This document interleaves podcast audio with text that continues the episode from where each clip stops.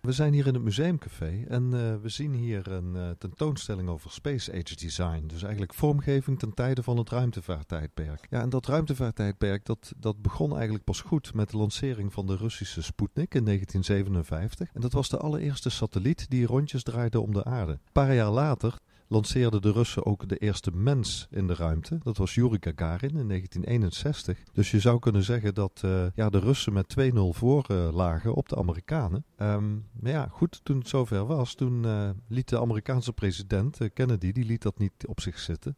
En die zei toen van ja, wij moeten als Amerikanen nog voor het einde van dit decennium, dus nog voor 1970, moeten wij de eerste mens op de maan geland hebben. En dat is ook gelukt, want in 1969, toen ging uh, de Apollo 11 raket, die ging op weg naar de maan. En ja, het lukte om inderdaad de eerste mens op de maan te zetten. Dat was Neil Armstrong, een Amerikaanse astronaut. Hier bij die eerste vitrine, daar zie ik een, een lamp die lijkt een beetje op een vliegende schotel. Is dat toeval? Nee, niet echt. Want uh, ja, het is een lamp, een ontwerp van uh, Louis Kalf, uh, de to toenmalige hoofdvormgeving van Philips. En in het midden zie je ook een lamp die ja, er nogal raketachtig uitziet. En die lamp die, waar jij op doelt, ja, die heeft een soort vliegende schotelvorm. Dat, je ziet al de, daar duidelijk de invloed van Space Age Design in deze ontwerpen. In deze eerste vitrine ligt verder ook een, een singeltje. Nou, en ook dat singeltje, dat is geen toeval. Dat, dat is elektronische muziek. Elektronische muziek stond toen nog echt nog in de kinderschoenen. Maar bij Philips werd er al volop mee geëxperimenteerd. En deze opname, deze compositie, die heet ook Song of the Second Moon. Nou, en die is eigenlijk geïnspireerd op de bliepjes, de geluidjes die die eerste satelliet uitzond naar de aarde. En daar heeft uh, Dick Raaimakers heeft daar een compositie op gemaakt. Hij liet zich door die, door die piepjes inspireren. En het heet dus ook Second Moon, want ja, de eerste maan is de echte maan. En de tweede maan, dat is de kunstmaan, de satelliet.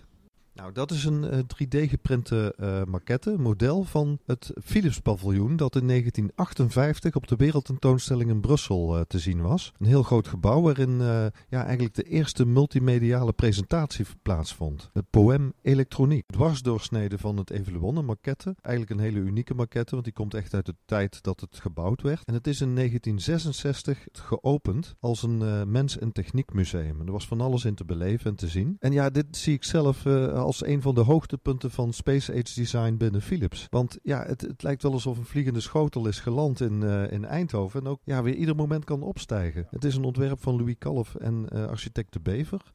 En uh, ja, het werd uh, aangeboden ter gelegenheid van het 75-jarig jubileum van Philips in 1966. De jaren 60, dat uh, vormde echt een hele bijzondere periode. Het waren echt ja, een soort hoogtijdagen. De welvaart nam enorm toe. Hè. Na de Tweede Wereldoorlog volgde eerst een periode van wederopbouw. Maar in de jaren 60 plukten de mensen daar de vruchten van. Dus ze kregen veel meer loon dan de periode daarvoor. Ze konden zich veel meer dingen permitteren. Bijvoorbeeld een televisie of een radio of een uh, pick-up. Jongeren konden meer betalen. Dus je ziet ook dat ja, in die tijd steeds meer naar muziek werd geluisterd. Popmuziek was heel erg in opkomst. Maar ook uh, waren er een aantal grote maatschappelijke ontwikkelingen. Ik noem uh, bijvoorbeeld de democratisering. Hè, mensen wilden steeds meer inspraak. Er waren veel studentenprotesten, bijvoorbeeld in 1968. Studenten vroegen ook om meer een aandeel te hebben in het bestuur. Nou, en dat, dat zette zich door in de hele maatschappij. Verder zie je ook dat de emancipatie van de vrouw dan enorm toeneemt door uh, bijvoorbeeld de, de komst van de pil. Philips voer daar wel bij, want de mensen konden dus meer dingen aanschaffen. En een van de meest begeerde dingen in deze tijd waren dus televisie, radio's, uh, pick-ups, grammofoons en de platen die erbij hoorden. Afgezien nog natuurlijk van een auto, maar daar moest je wel eventjes voor sparen. Ja, en natuurlijk in deze periode, 1963, kwam ook Philips met de cassette recorder. Dus ook dat was een enorm succes. En als je naar de vormgeving kijkt, dan zie je dat de modellen allemaal wat hoekiger van vorm zijn. Uh, maar ook uh, een metalen uitstraling hebben. Metaal met, met kleur zwart is wel overheersend, of metaal met houtkleur. Um, en je ziet ook dat er eigenlijk een onvoorwaardelijk geloof is in techniek. De, de, de apparaten hebben ook heel veel knopjes en dergelijke, hoe meer hoe liever. Maar in deze periode werd er ook gedacht van ja, techniek kan alle wereldproblemen oplossen.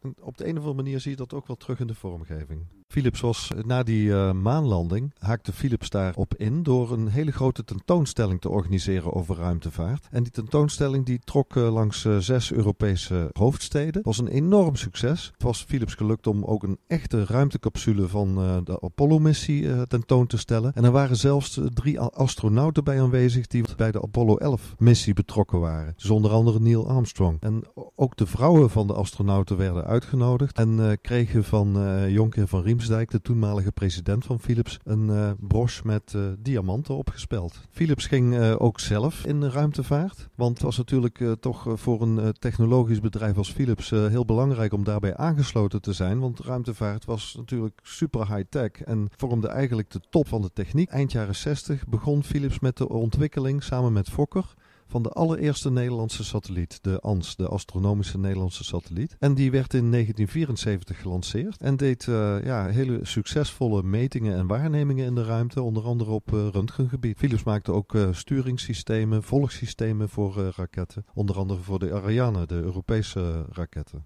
Dit uh, zijn een aantal producten uit de jaren 70. Je ziet uh, een model van uh, de ANS, van de satelliet. Maar daaromheen staan een aantal producten. Een televisie, een computerspel, een lady shave, stofzuiger. En pick-ups of het audioapparaten, een transistorradio. En wat je ziet is dat dit is echt jaren 70. En je ziet dat, dat kleuren natuurlijk heel anders zijn dan de periode daarvoor. Er is veel meer kleuren, oranje, geel, rood, groen. Uh, beige, bruin, nou ja, noem maar op. En je ziet dus dat het kleurgebruik heel erg verandert. De vorm krijgt, wordt steeds organischer. Dus ronder, met ronde vormen. En je ziet ook dat het materiaalgebruik heel sterk verandert. Namelijk, het is vooral kunststof. En ook gebruik van doorzichtige kunststoffen uh, vindt hier toepassing. En dat kun je bijvoorbeeld zien bij de Bug-Up, maar zelfs ook bij de citruspers. Aan de wand zie je een aantal uh, afbeeldingen. Nou, je ziet bijvoorbeeld in het midden zie je een bus, een ontwerp voor een bus en zelfs een elektrische auto. Ja, en die bus die had een milieuvriendelijke Stirlingmotor. En de elektrische auto reed natuurlijk met een elektromotor. En je ziet dus dat dat onvoorwaardelijke geloof in techniek, dat, ja, dat er toen toch wel wat anders werd gedacht daarover. Want in 1972 verscheen het rapport van de Club van Rome, Grenzen aan de Groei. En daarin werden mensen ervan bewust gemaakt dat we eigenlijk heel zuinig moesten zijn op ons milieu. En dat ook de grondstoffen die we hebben, dat die op dreigden te raken binnen een aantal decennia. Dus uh, ja, je ziet toch dat Philips daar ook uh, mee bezig is om uh, milieuvriendelijk vervoer te ontwikkelen. Aan de rechterkant zie je een paar prachtige illustraties. Die zijn gemaakt door Sid Mead. En Sid Mead is in 1970 door de toenmalige designdirecteur Knut Iran gevraagd om samen met uh, designers van Philips mee te denken over de toekomst. En ja, je ziet dat op een hele mooie manier geïllustreerd. Je ziet uh, bijvoorbeeld een kamerbreed tv-scherm met, met 3D-beelden. Daarboven zie je allerlei leerlingen achter computers zitten en een leraar die lesmateriaal uitzoekt. Ja, dit gaat over leren op afstand. Dus leren via een computer. Ja, voor die tijd heel vooruitstrevend. Sid Mead is later bekend geworden in Hollywood. Omdat hij de art direction deed van films als The Blade Runner, Tron en uh, Star Trek.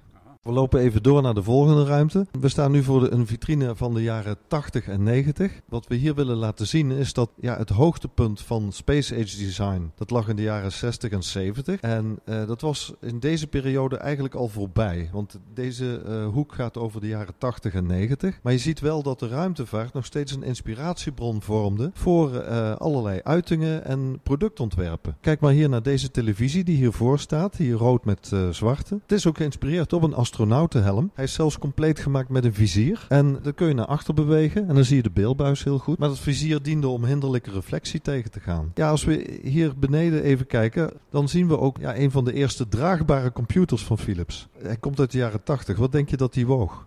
Ja, misschien, misschien wel 2, 3 kilo. Ja, het is iets meer. Je zou dat wel denken als je de computer van nu neemt. Maar het is 15 kilo. Dus je sjouwt je echt een breuk met dat ding. Er zit een draagriem op. Maar ja, die beeldbuis die erin zit, die weegt natuurlijk ook behoorlijk wat. Die is van glas. Het toetsenbord kun je als deksel gebruiken. Dus dit is eigenlijk de voorloper van onze notebooks. Als je even kijkt naar de wand.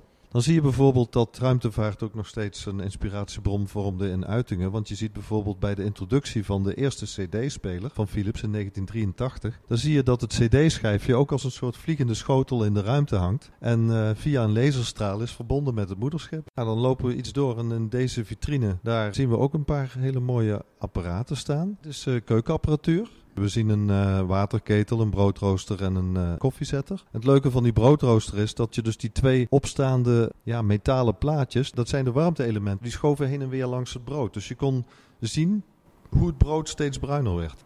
Maar het is nooit uitgevoerd, want er waren wat veiligheids- en productieproblemen met het glas. Dus uiteindelijk heeft Philips besloten om het niet in productie te nemen. Maar het ziet er wel heel mooi uit, een minimalistisch ontwerp. Dus we hebben hier ook een aantal prototypen staan die nooit zijn uitgevoerd. Maar ook een paar ontwerpen waarvan je zou kunnen zeggen van nou, die zouden zo in een interieur uit die, uh, van de jaren 70 uh, kunnen. He, zoals deze CD-speler met twee boxen. Ja, alleen het grote verschil is natuurlijk dat uitgevoerd is in rubber. Dus een heel ander soort materiaal dan ze in de jaren 70 zouden gebruiken voor dit soort producten. Wat je ook hier ziet is dat uh, in de huidige tijd, want deze vitrine gaat meer over de tijd na 2000 tot nu. Je ziet ook dat ruimtevaart nog steeds een inspiratiebom vormt. Bijvoorbeeld uh, de reclame van uh, Philips Savers, die nu ook nog steeds te zien is. Speelt zich ook af in de ruimte. En dat is ook niets voor niets. Het is ook niet verwonderlijk dat het gebeurt, want de associatie met ruimtevaart ligt heel dicht bij high-tech en bij het verleggen van grenzen innovaties. Dus ruimtevaart wordt heel erg geassocieerd met, met vooruitgang, vooruitstrevendheid. Een ander voorbeeld wat je hier ook ziet liggen dan in de vitrine is een oranje geerapparaat. Dat is uh, gemaakt met behulp van 3D-printen. Dus je ziet dat er in onze tijd dat er steeds meer vormvrijheid komt. Uh, met 3D-printen is eigenlijk alles mogelijk. Je kunt alles wat je bedenkt daarmee maken. Het apparaat wat we hier hebben liggen is eigenlijk wel een heel bijzonder apparaat. Want het is al, het allereerste 3D-geprinte shaver ter wereld. Ja, we zijn erg blij dat we dit hebben in ons museum. Ja, dan komen we nu bij de laatste vitrine. Dat is een uh, model van een MRI-scanner. Een van de meest recente modellen. Wat interessant is, is dat Philips eigenlijk vooral bezig is om het leven van mensen te verbeteren. En daar is dit een goed voorbeeld van. Als je zo'n MRI-scan moet ondergaan, dat is altijd best wel spannend en stressvol. Hè? Want ja, je komt er dan achter van, heb je kanker of niet? Of heb je iets aan je hart of niet? Dus je gaat daar niet echt relaxed naartoe. Dat betekent dat ook vaak zo'n scan over moet omdat uh, de patiënt bewogen heeft of heel onrustig is of zich gewoon niet prettig voelt. En Philips heeft daarom bedacht om niet alleen maar de vorm van de scanner vriendelijker te maken, met een grotere opening bijvoorbeeld en met minder lawaai, maar ook de hele omgeving aan te passen. Dus de omgeving van de behandelkamer en zelfs van de hele ziekenhuisafdeling. Dus ja, je ziet eigenlijk dat het een soort holistische gedachte is om het totaalconcept vorm te geven. Philips heeft dat onder andere gedaan door de patiënten, bijvoorbeeld kinderen, zelf te laten kiezen hoe de ruimte eruit ziet, welke kleur de ruimte heeft, waar de MRI-scanner staat. En niet alleen dat, maar bijvoorbeeld ook om al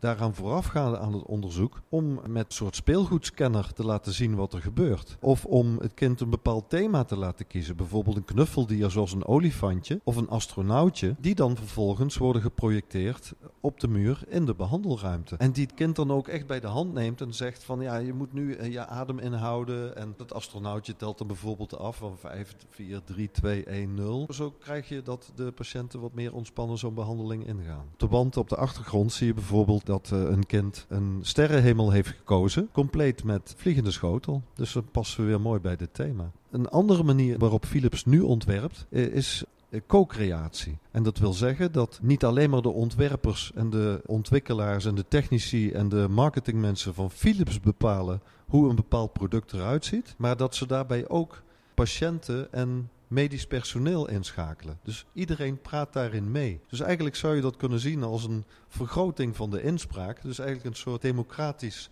ontwerpproces. En daarmee zijn we eigenlijk weer terug bij het begin, bij de jaren 60, waarbij die democratisering toenam.